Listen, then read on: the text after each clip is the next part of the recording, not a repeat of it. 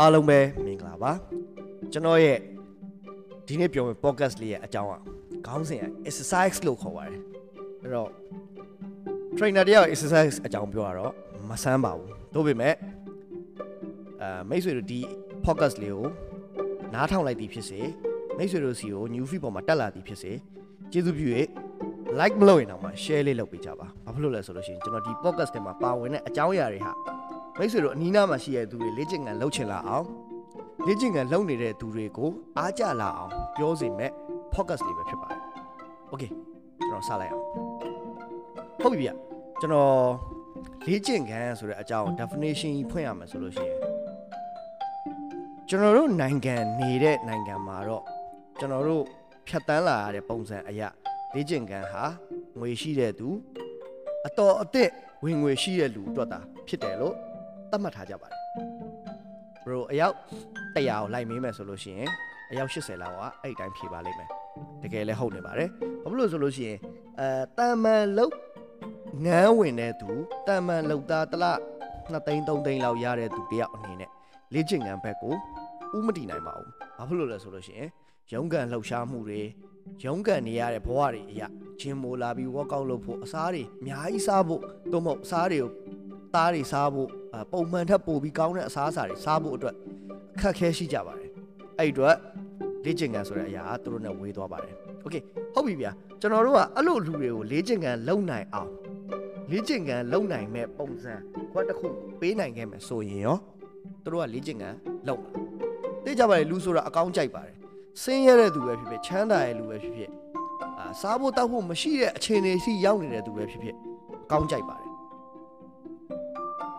အဲ့တော့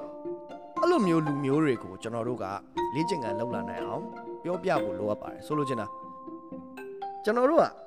ဆင်းရဲတဲ့ချမ်းသာတယ်ဆိုတာက mindset တစ်ခုပါတကယ်တမ်းတော့လေ့ကျင့်ခန်းအနေဘက်ကနေ personal trainer တယောက်ကနေအနေနဲ့ကြည့်လိုက်မှဆိုလို့ရှိရင်လူတယောက်ရဲ့ဖွဲ့စည်းပုံကြွက်သားစွမ်းအားစွမ်းဆောင်ရည်တွေကပိုပြီးအထီးကကြပါတယ်ကျွန်တော်တို့ကတော့ချမ်းသာဤဆင်းရဲဤကကျွန်တော်တို့အထီးကမကြပါအဲ့တော့ တာမန်လောက်သားတယောက်အနေနဲ့လေ့ကျင့်ကဘယ်လိုလုပ်ရမလဲဆိုလို့ရှိရင်ကျွန်တော်တို့အနည်းဆက်ဆုံးလူတိုင်းမှာဖုန်းတွေရှိပါတယ်ဖုန်းတွေထဲကနေလေ့လာလို့ရတဲ့ website တွေရှိပါတယ်ဥပမာကျွန်တော်တို့လိုမြန်မာနိုင်ငံမှာရေးပြီးပြောပြပေးနေတဲ့ page တွေရှိပါတယ်အဲ့မှာဝင်ပြီးတော့တိုင်ပင်လို့ရတယ်ဆွေးနွေးလို့ရတယ်ပြောပြလို့ရတယ်ကျွန်တော်ကတော့မအားလို့ကျွန်တော်ကတော့ဘလို့ဘလို့အခြေအနေရှိလို့ဆိုတာပြောပြပြီးတော့တိုင်ပင်ပြီးတော့နီးစပ်ရာ trainer နဲ့ workout တွေလုပ်ဖို့အာတိုက်တွန်းနေပါတယ် okay ဟုတ်ပြီဗျာကျွန်တော်ကတော့ ကျွန်တော်တလား3သိန်းပဲဝင်တယ်ဗျာကျွန်တော် workout လုပ်ရင်ဘာတွေရလာမှာဟုတ်ပါတယ် workout လုပ်လို့ရှိရင်ကျွန်တော်တို့အသက်အရွယ်တစ်ခုရောက်လာတဲ့အခါမှာ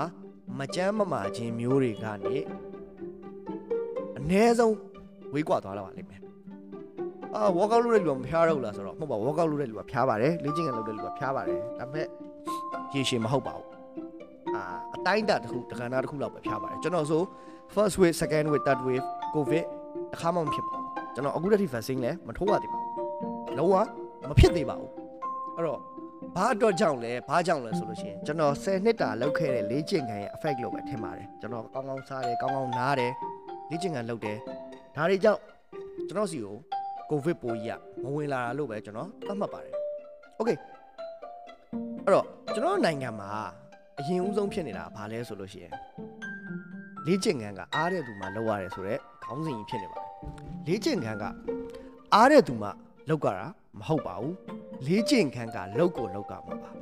ဆိုကြပါစို့ဗျာကျွန်တော်တို့မနက်အစောကြီးလူတယောက်အတွက်အခုနကကျွန်တော်ပြောတဲ့တာမန်လောက်သားတယောက်အတွက်ဆိုလို့ရှိရင်မနက်အစောကြီးထမယ်ပြေးမယ်လွှားမယ် အလုပ်ကိုသွားတော့တဲ့အချိန်မှကပ်ပြီးထမယ်ဒါမှမဟုတ်လဲစောစောထမယ်ဗျာလုပ်စရာရှိရအလုပ်လေးလုပ်မစင်းရင်အင်းလုပ်မယ်ဒါမှမဟုတ်လဲ breakfast စားမယ်ရေမိုးချိုးမယ်စသဖြင့်ပေါ်လုပ်တယ်အဲ့ဒီထက်အချိန်ကျွန်တော်တို့နိုင်ယူက45မိနစ်လောက်စောထားလိုက်လို့ရောအဆင်မပြေနိုင်ဘူးလားညဘက်ကိုနိုင်ယူက45မိနစ်စောအိတ်လိုက်လို့ရောအဆင်မပြေနိုင်ဘူးလားဟုတ်ပြီလေ့ကျင့်ခန်းလုပ်တယ်ဆိုတာကျွန်တော်ဂျင်မှာသွားပြီးအလေးတွေမှာပြီးစက်သားတွေတစ်နေ့တစ်ခေါင်စားနေမှာလေ့ကျင့်ခန်းလို့အညီတက်တာမဟုတ်ပါဘူးမနက်စောစောထားပြီးတော့အာကိုရက်ကွက်ထဲမှာကိုအနီးနားမှာရှိတဲ့ပတ်လေးပန်းချန်လေးနားမှာသွားပြီးလေ့ကျင့်ခန်းလုပ်တာမျိုးပြေးတာမျိုးဒိုင်ထိုးတာမျိုး body weight workout whole body weight workout လေးလုပ်တာမျိုးဘားခိုတာမျိုးခန္ဓာကိုယ်ကိုလှုံ့ဆော်ပေးနိုင်တဲ့လေ့ကျင့်ခန်းဘယ်အရာမဆိုလုပ်လို့ရပါတယ်အဲ့တော့ခေါင်းစဉ်ကြီးကတခါတည်းကွဲထွက်သွားပါပြီလေ့ကျင့်ခန်းကပတ်စံရှိမှလောက်ရမယ်ခေါင်းစဉ်ထဲမှာမပါတော့ပါဘူးဟုတ်ပြီအဲ့တော့ပြောနေတယ်မှာကျွန်တော်ကောင်းတယ်အတွေးဝင်လာတယ်ဘာလဲဆိုလို့ရှိရင်ကျွန်တော်တို့ဒီနိုင်ငံမှာလေ့ကျင့်ခန်းကိုအသက်အရွယ်ပိုင်းခြားနဲ့လည်းတတ်မှတ်ကြပါတယ် ဘလို့အသက်အရွယ်ပိုင်းခြားလဲဆိုတော့ငါကတော့အသက်ကြီးသွားပြီကွာမင်းတို့လိုငယ်တယ်ငယ်တဲ့အချိန်တော့ငါကဘလို့ကောင်းခဲ့တာငယ်တဲ့အချိန်ကတော့ကွာငါမင်းလက်ရွေးစင်ငါမင်းကွာငါငယ်တဲ့အချိန်တော့ကတော့မင်းတို့မရဲ့အလေးလောက်တနာတာပေါ့အာအဲ့ဒီဟာကိုကျွန်တော်ကလက်မခံပါဘူးကျွန်တော်ငယ်တဲ့အချိန်မှာလုပ်ခဲ့တဲ့အရာတွေလက်မခံမဲနဲ့အခုလက်ရှိဘာလုပ်ပြမလဲဆိုတာကိုပဲကျွန်တော်လက်ခံပါတယ်ဆိုကြပါစို့ဗျာကျွန်တော်လည်းရှောက်ပြောလို့ရပါဘောကျွန်တော်နှစ်နှစ်သားလောက်ကအလေးကို2000 kg မှတာတော့ပါတော့ရှောက်ပြောလို့ရအောင်အဲ့လိုမျိုးရှောက်ပြောလို့ဖြစ်နေပါတယ် ငါကငယ်တဲ့အခါတော့ဘလို့စွမ်းဆောင်နိုင်တာပေါ့တကယ်တမ်းတော့ယခုနေ့ယခုအချိန်မှာဘလို့စွမ်းဆောင်နိုင်လဲကပိုပြီးအဓိကကြပါတယ်ဟုတ်ပြီဗျအဲ့တော့ကျွန်တော်တို့ကအသက်အရွယ်ပိုင်းခြားနေလေ့ကျင့်ကြလုပ်ကြရငါအသက်ငါအသက်ကတော့ကွာ90ရောက်လို့ငါအသက်ကတော့40ရောက်လို့မင်းတို့လိုတော့ငါမလုံနိုင်တော့ပါဘူးကွာဆိုပြီး give up လုပ်လိုက်တဲ့သူတွေရှိကြပါတယ်အဲ့တော့အဲ့လိုမျိုးလူတွေကိုကျွန်တော်ပြောချင်တာ give up မလုပ်ပါနဲ့အသက်အရွယ်အပိုင်းခြားနဲ့လေ့ကျင့်ကြလုပ်တာနဲ့လားလားမမသက်ဆိုင်ပါဘူးဆိုလို့ချင်းတာဟုတ်တယ်ဗျအသက်20 ခလေးတယောက်ညီငယ်တယောက်လေ့ကျင့်ကြလုပ်နေတဲ့ပုံစံအတိုင်းတော့အသက်50လူကသွားလုပ်ဖို့မလိုအပ်ဘူးလုပ်လို့ရှိတယ်မလိုလားအပ်တဲ့အာအနာတရားဖြစ်မှုတွေဖြစ်လာလိမ့်မယ်အဲ့တော့အသက်50မှာလောက်ရမယ်လေ့ကျင့်ခန်းရှိတယ်အသက်20မှာလောက်ရမယ်လေ့ကျင့်ခန်းရှိတယ်အသက်30မှာလောက်လောက်ရမယ်လေ့ကျင့်ခန်းရှိတယ် step by step ပေါ့သူ့ level အလိုက်သူလောက်သွားရမယ်လေ့ကျင့်ခန်းတွေရှိတယ်အဲ့ဒါကိုကျွန်တော်တို့အဆင့်ကျော်လို့မရတော့အဆင့်နှိပ်ပြီးလုပ်လို့လည်းမရဘူးအဲ့တော့အသက်20လောက်တန်မာနေတဲ့အချိန်ထွားကြိုင်းနေတဲ့အချိန် အာအရန်ကိုဖွင့်ပြိုးဖို့ကောင်းနေတဲ့အချိန်မှာအသက်50လောက်ရမယ်လေ့ကျင့်ခန်းပေါ့ပေါ့ပါလေးသွားလုပ်တယ်ဆိုလို့ရှိရင်တော့ပြင်းစရာကြီးဖြစ်ပြီးတော့သူ့အတွက်လည်း enjoy ဖြစ်ဖို့နည်းတော့ရလိမ့်မယ်အဲ့တော့ကျွန်တော်လေ့ကျင့်ခန်းလောက်တာကအသက်အရွယ်ပိုင်းခြားနဲ့လုံးဝမဆိုင်ပါဘူးပြီးတော့ကျွန်တော်နောက်တစ်ခုပြောချင်တာကကျွန်တော်တို့နိုင်ငံမှာ40ကျော်50ရောက်လာပြီဆိုလို့ရှိရင်ဇရာကိုအဆုံးရှုံးပေးလိုက်ကြတယ် ငါတော့အသက်ကြီးသွားပါပြီကွာတော်ပါပြီထားလိုက်ပါတော့ကွာဆိုပြီးတော့အဆုံးရှုံးပေးလိုက်ကြတယ်ဒါပေမဲ့တခြားနိုင်ငံမှာတော့အသက်အရွယ်ဘယ်လောက်ရောက်ရောက်ဥပြအခုမှဗျာကျွန်တော်မင်းညာကြည့်ရရုပ်ရှင်ထဲမှာဆိုအမိသားပချမ်းအဲ့ကားထဲမှာဆိုအဖိုးကြီးအမိသားပချမ်းဆိုတိကျပါလိမ့်မယ်အိန္ဒိယကားမှာဟိုအရက်ရှိရှိနဲ့အဖိုးကြီးပေါ့ဗျာအဲ့အာသူဆိုလို့ရှိရင်အသက်မရှိဘူးဆိုလို့ရှိရင်အဲ့80ကျော်80လောက်ရှိပြီဒါပေမဲ့အခုတည်းကရုပ်ရှင်ရိုက်နေတော့ရုပ်ရှင်ရိုက်တဲ့ character ကလည်း main character ဖြစ်နေတော့ကျွန်တော်တို့နိုင်ငံမှာအဲ့ရွယ်ဆို main character ရိုက်ဖို့နေနေတာတာဘေးနာဖျက်လျှောက်တောင်မှလုပ်လို့မရတော့ဘူးဘာဖြစ်လို့လဲဆိုတော့ သူတို့ရဲ့စွမ်းဆောင်နိုင်မှုပြဿနာတွေကအဲ့လောက်မရှိတော့ဘူးဆိုလိုချင်တာအသက်80ကျော်အဖိုးကြီးပြရုပ်ရှင်ထဲမှာပြေးလွှားပြီးတော့လူငယ်တယောက်နဲ့ဖတ်ပြီးတော့ရုန်းကန်နေရတဲ့ပုံစံကကျွန်တော်မြန်မာနိုင်ငံကသူအသက်80ဥမာဥပလာတာတို့ဘာလို့အသက်80ရှိတယ်ဗျာကျွန်တော်လည်းမြင်မှုခဲ့တယ်ဘာပဲလုပ်ရလဲဆိုတော့အဲဘေးနာဖျက်လျှောက်တို့ဒါသိမလားဟာတာလောက်ရတာတို့တကယ်ပြန်တဲ့အခါတော့အဲ့ဒါတွေပဲလောက်ရတော့ဒါပေမဲ့အဝေးကြီးမကြည့်ပဲနဲ့ကျွန်တော်အိန္ဒိယလောက်မှာအသက်80ရှိတဲ့ဖိုးကြီးတွေက main character actor မင်းသားနေရာမှာတရုပ်ဆောင်နေရတယ်ဘာကွာလဲဘာကြောင့်ကွာရတာလဲကျွန်တော်ဒီနိုင်ငံမှာအသက်80လောက်ရောက်သွားရင်ဘယ်ရောက်သွားကြပြီလဲဘဝရိတ်တာရောက်သွားကြပြီလားဒါမှမဟုတ်ပဲအိမ်မှာပဲနေနေကြပြီလား drip တွေချိန်ပြီးတော့ယောဂတွေပဲရနေကြပြီလားအဲ့တော့ကျွန်တော်ပြောချင်တာဒီနေရာမှာအာအပြစ်တင်နေတဲ့စကားမဟုတ်ဘူးဗျအပြစ်မဖြစ်တော့အောင်ကာကွယ်ရမယ့်စကားပဲအဲ့ကျွန်တော်တို့လည်းအသက်80ရောက်လာပါပဲတနေ့အခုဒီ podcast ကိုနားထောင်နေတဲ့မိတ်ဆွေတွေလည်းအသက်80အသက်90ရောက်လာမှာပဲအဲ့တော့ ကျွန်တော်အခုပြောလိုက်တဲ့အသက်90ဆိုဟာဒီဘဲဘာတွေရှောက်ပြောတာအသက်90ငါတို့ဘယ်လိုရှင်းမလဲငါတို့နေထိုင်နေတဲ့ပုံစံနဲ့ဘယ်လိုရှင်းဟုတ်တယ်အသက်90ကျွန်တော်တို့မရှင်းနိုင်ဘူးကျွန်တော်တို့နေထိုင်နေတဲ့ပုံစံနဲ့အသက်60လောက်ရောက်တာနဲ့ခါကိုင်းပြီးတော့ဒုက္ကောက်နဲ့သွားခြင်းသွားနေရမှာဘာကြောင့်လဲကျွန်တော်လေ့ကျင့်ကမလုပ်လို့โอเคအဲ့တော့နောက်တစ်ခုပြောရမှာဆိုရင်ကျွန်တော်တို့စားသုံးတဲ့ပုံစံအဲ့တော့စားသုံးတဲ့ပုံစံကအရင်အဓိကကြတယ်ကျွန်တော်တို့နိုင်ငံမှာစားသုံးရတဲ့ပုံစံခင်ဗျာမျက်လုံးနှလုံးဖွင့်လို့အောက်ဆင်းကြည့်လိုက်ဗျာစားတွေ့တာလက်ဖေးဆိုင်လက်ဖေးဆိုင်ရှင်းမှာဘာလုပ်နေလဲဆိုတော့ဤကြကွေးကြော်နေတယ်ပလာတာရိုက်နေတယ် ဟိုဘက်ကားလည်းအောင်ကြည့်လိုက်တော့ဘာရှိလဲဆိုတော့အတုတ်ဆိုင်ဟိုဘက်မှာနည်းနည်းဆက်လျှောက်ကြည့်လိုက်တော့မွေးကားဆိုင်အမွေးကားဆိုင်မစားကျင်တော့ကျွန်တော်နည်းနည်းဆက်လျှောက်ကြည့်လိုက်တော့အုံနှောက်ခေါက်ဆွဲဆိုင်အဲ့တော့ကျွန်တော်မှရွေးချယ်စီအဲ့ဒီဆိုင်မှာပတ်ပတ်လေဘာရှိလဲဆိုတော့ဂျိုင်းဖူတွေကြီးပဲကောင်းတာပါပါလဲဆိုဘာမှမပါဘူးโอเคအဲ့တော့ကောင်းတာဘာစားမလဲဆိုလို့ရှိရင်ကောင်းတာစားစရာတွေကျွန်တော်မှအများကြီးရှိတယ်ကျွန်တော်တခြားနိုင်ငံသူတွေဘာစားလဲစူးစမ်းပြီးစားကြည့်ပါအရန်ကောင်းတယ်ခန္ဓာကိုယ်အတွက်ကောင်းလာသလိုစားသုံးရရဲ့နေရာမှာလည်းအဆင်ပြေတယ်အဲ့တော့ကောင်းတာတွေလေးစားပါကောင်းတာတွေက တခါတလေမှဈေးကြီးတတ်တယ်လို့တခါတလေမှလည်းဘာမှမဟုတ်တဲ့100တန်200တန်လေးတွေကကိုယ့်အတွက်အကျိုးရှိစေပါတယ်မွေးကားတစ်ပွဲကိုကျွန်တော်တို့အိုးပဲဦးနဲ့900နဲ့စားမယ်အစားအစားနွားနို့တစ်ခွက်ကြုတ်ပြုတ်တစ်လုံးပါမုံချမ်းသို့မဟုတ်အခုခု something ပေါ့ဗျာမိမိကြိုက်နှစ်တတ်တဲ့အာ cracker ပဲဖြစ်ဖြစ်အုတ်ပဲဖြစ်ဖြစ်စားမယ်ဆိုလည်းဘိုက်ဝရတယ် breakfast ဖြစ်တယ်အကျိုးရှိတယ်ခန္ဓာကိုယ်အတွက်အများကြီးကောင်းမွန်စေတယ်ဘယ်လောက်ကုန်လဲဆိုလို့ရှိရင်အားလုံး900လောက်ပဲကုန်မယ်900လောက်ကုန်ရင်မှကုန်မယ် နွားနှုတ်တစ်ခွက်အာအဲ့ပေါ့900 800ပတ်ချလဲလောက်ကုန်မယ်အုံတော့ခေါက်ဆွဲတပွဲ900 800နဲ့ကျွန်တော်ပြောတဲ့အခုန900 800နဲ့ဆိုလို့ရှိရင်3ချိုးတက်လောက်ခရာကိုအတွက်ကျွန်တော်ပြောတဲ့အစားအစာတွေကပိုကောင်းစေတယ်။ Okay ဟုတ်ပြီ။အဲ့တော့ကျွန်တော်ဒီ breakfast အကြောင်းပြီးသွားပြီ။ပြီးတော့ကျွန်တော်နိုင်ငံက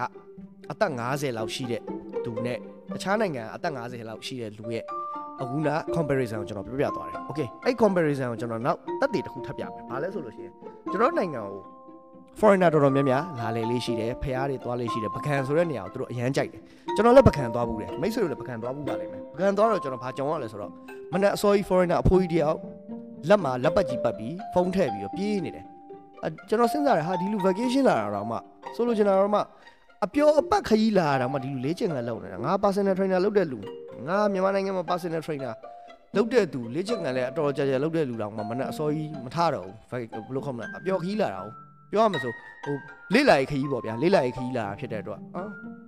စဉ်းတော့စဉ်းစားမိလိုက်တယ်အတွေ့တစ်ခုဝင်လာအော်သူတို့ကျမ်းမာရေးတော်တော်လိုက်စားပါလားပေါ့โอเคအဲ့တော့အသက်50ချင်းရှင်တောင်မှကျွန်တော်တို့ကသူတို့အနောက်ရောက်သွားတာက စဉ်းစားစရာမလိုတော့ဘူးဘာဖြစ်လို့လဲဆိုတော့သူတို့ကအသက်50မှာငါတို့ကငါတို့ keep up လုပ်ပါပြီးတော့အသက်ကြီးသွားပါပြီးတော့ဇရာဘာဖြစ်သွားပါပြီးတော့မအားတော့တာပါတော့ပတ်စံမရှိတော့ပါတော့အရန်ချမ်းသာလို့ပါတော့အလုပ်အများကြီးရှိတာပါတော့အများကြီးကျွန်တော်တို့ကိုများစွာသော reason တွေသူတို့မပေးဘူးသူတို့လောက်ရမယ့်အလုပ်သူတို့ဘယ်သူမှလည်းမနှုတ်ဘူးသူတို့ဘယ်သူမှလည်းမတိုက်တွန်းမဲနဲ့မနဲ့အစောကြီးထားတယ်လေ့ကျင့်ခန်းထားလုပ်တယ် okay ဒါဟာရေရှင်မှာပြောင်းလဲတဲ့ဘဝပြောင်းလဲတဲ့စွမ်းဆောင်မှုတွေကိုရရှိလာလိမ့်မယ်အဲ့တော့ gym ဆော့လို့ကွာအဲလေ့ကျင့်ခန်းလုပ်လို့ငါကဘာဖြစ်မှာလဲပတ်စံရမှာလားဆိုတော့ yeah ပတ်စံရပါတယ်ဘလို့ရလဲဆိုလို့ရှိရင်တခြားသောနီးလန်းကပါလေ့ကျင့်ခန်းလုပ်လို့တော့ personal trainer မဟုတ်ဘဲတော့ပတ်စံရစရာမရှိပါဘူးအဲ့လေ့ကျင့်ခန်းလုပ်ရင်ပတ်စံဘလို့ရမလဲဆိုလို့ရှိရင်လေ့ကျင့်ခန်းလုပ်တဲ့အတွက်ကျွန်တော်တစ်နှစ်နေလို့ဆယ်ကဖျားတယ်ဆိုလို့ရှိရင်ဆရာဝန်ကိုတပေါင်းပဲထားဗျာဆယ်ကပေးသိန်းရှိရယ်ခင်ဗျာမနေ့အစောကြီးတနားရီလောက်လေအချိန်ပေးပြီးတရက်ကို45မိနစ်တနားရီလောက်လေအချိန်ပေးပြီး ဂျင်မသွားခိုင်းဘူးနော်ဂျင်မသွားခိုင်းဘူးအပြင်မှာပဲနီးစက်ရပန်းကြံလေးမှာပဲလမ်းလေးပတ်လျှောက် body weight workout လေးပဲလုပ်အောင်ခင်ဗျာအဲ့တစ်နှစ်လုံးနေမှာတသိမ့်မကုန်ဘူးဒါတသိန်းဆိုတာကျွန်တော်အနည်းဆုံးတွက်ပြတာအသက်20တယောက်နေမကောင်းဖြစ်တာ哦အနည်းဆုံးတွက်ပြတာโอเคဟုတ်ပြီအသက်30 40 50ရောက်သွားတဲ့သူတယောက်နေမကောင်းဖြစ်ပြီဆိုလို့ရှိရင်အနည်းဆုံးတသိန်း2သိန်းပဲစီဂျိုဆေးရမယ်သွေးဆေးရမယ်ဟိုဟာဆေးရမယ်ဒီဟာဆေးရမယ်တသိန်း2သိန်းပဲအဲ့ဒါရမကုန်ဘူးတကယ်မကုန်တော့တကယ်မကုန်ဘူးလေ့ကျင့်ကန်လာလုပ်ကြည့်ပါကျွန်တော်အာမခံတယ်လေ့ကျင့်ကန်လုပ်နေရင်ね အခုလိုမျိုးကျွန်တော်ပြောလို့မဖြစ်လာဘူးဆိုလို့ရှိရင်ကျွန်တော် personal trainer မလုပ်တော့ရဲတဲ့အထီကိုကျွန်တော်လောင်းကြီးထပ်ရဲတယ်အဲ့တော့မိတ်ဆွေဒီ podcast လေးကိုနားထောင်ပြီးသွားရင်လေ့ကျင့်ကန်လုပ်ပါကိုဗစ်ကြောင့်တည်သွားတဲ့သူတွေထဲမှာလေ့ကျင့်ကန်မလုပ်တဲ့65ရာခိုင်နှုန်းသောသူတွေပါပါတယ်တခြားသောအသက်အရွယ်မရောက်ခင်အုံနောက်သွေးကြောပြက်နှလုံးသွေးကြောပြက်နှလုံးသွေးကြောကျဉ်အစီပိတ်အသက်အသက်စီဖုံးအာကျွန်တော်ပြောရင်ဒီနေ့ယောဂတွေကုန်မှာမဟုတ်ဘူးအဲ့ဒီအရာတွေအတွက် တည်သွားတဲ့သူတွေတို့မဟုတ်နာမကျန်းဖြစ်နေရယနေ့တည်းဖြစ်နေရတဲ့သူတွေစီးကျိုဝေဒနာတဲ့တွေသွေးတို့သမားတွေဟာ69ရာခိုင်နှုန်းလေ့ကျင့်ကမလုပ်ကြပါဘူး။ Okay လေ့ကျင့်ကလုပ်နေတဲ့သူတွေကအဲ့ဒီယောဂရှိပါတယ်လို့တယောက်မှလည်းကြားရမှာမဟုတ်ဘူး။အဲ့တော့မိတ်ဆွေအသက်30မှာအင်ဆူလင်ထိုးပြီးတော့စီးကျိုစေတောက်နေရတာပျော်ရွှင်ကြပါသလား။အသက်40လောက်မှာနှလုံးယောဂရနေရလို့ပျော်ရွှင်နိုင်ပါဦးမလား။အသက်50မှာတခြားသောယောဂပေါင်း ၃လမျိုးလောက်ဇက်တိုက်ရလာလို့ပျော်ရွှင်နိုင်ပါအောင်မလားခမရအသက်30နဲ့အသက်50အထိအလုပ်လုပ်ထားလို့စူဆောင်းဆောင်တဲ့အရာတွေကစေကမ်းနဲ့စေယုံမှာသွားပြီးပေးလိုက်ရမယ်ဆိုလို့ရှိရင်တန်ပါအောင်မလားစဉ်းစားပါအဲ့ဒီအတွက်လေ့ကျင့်ခန်းလုပ်ပါ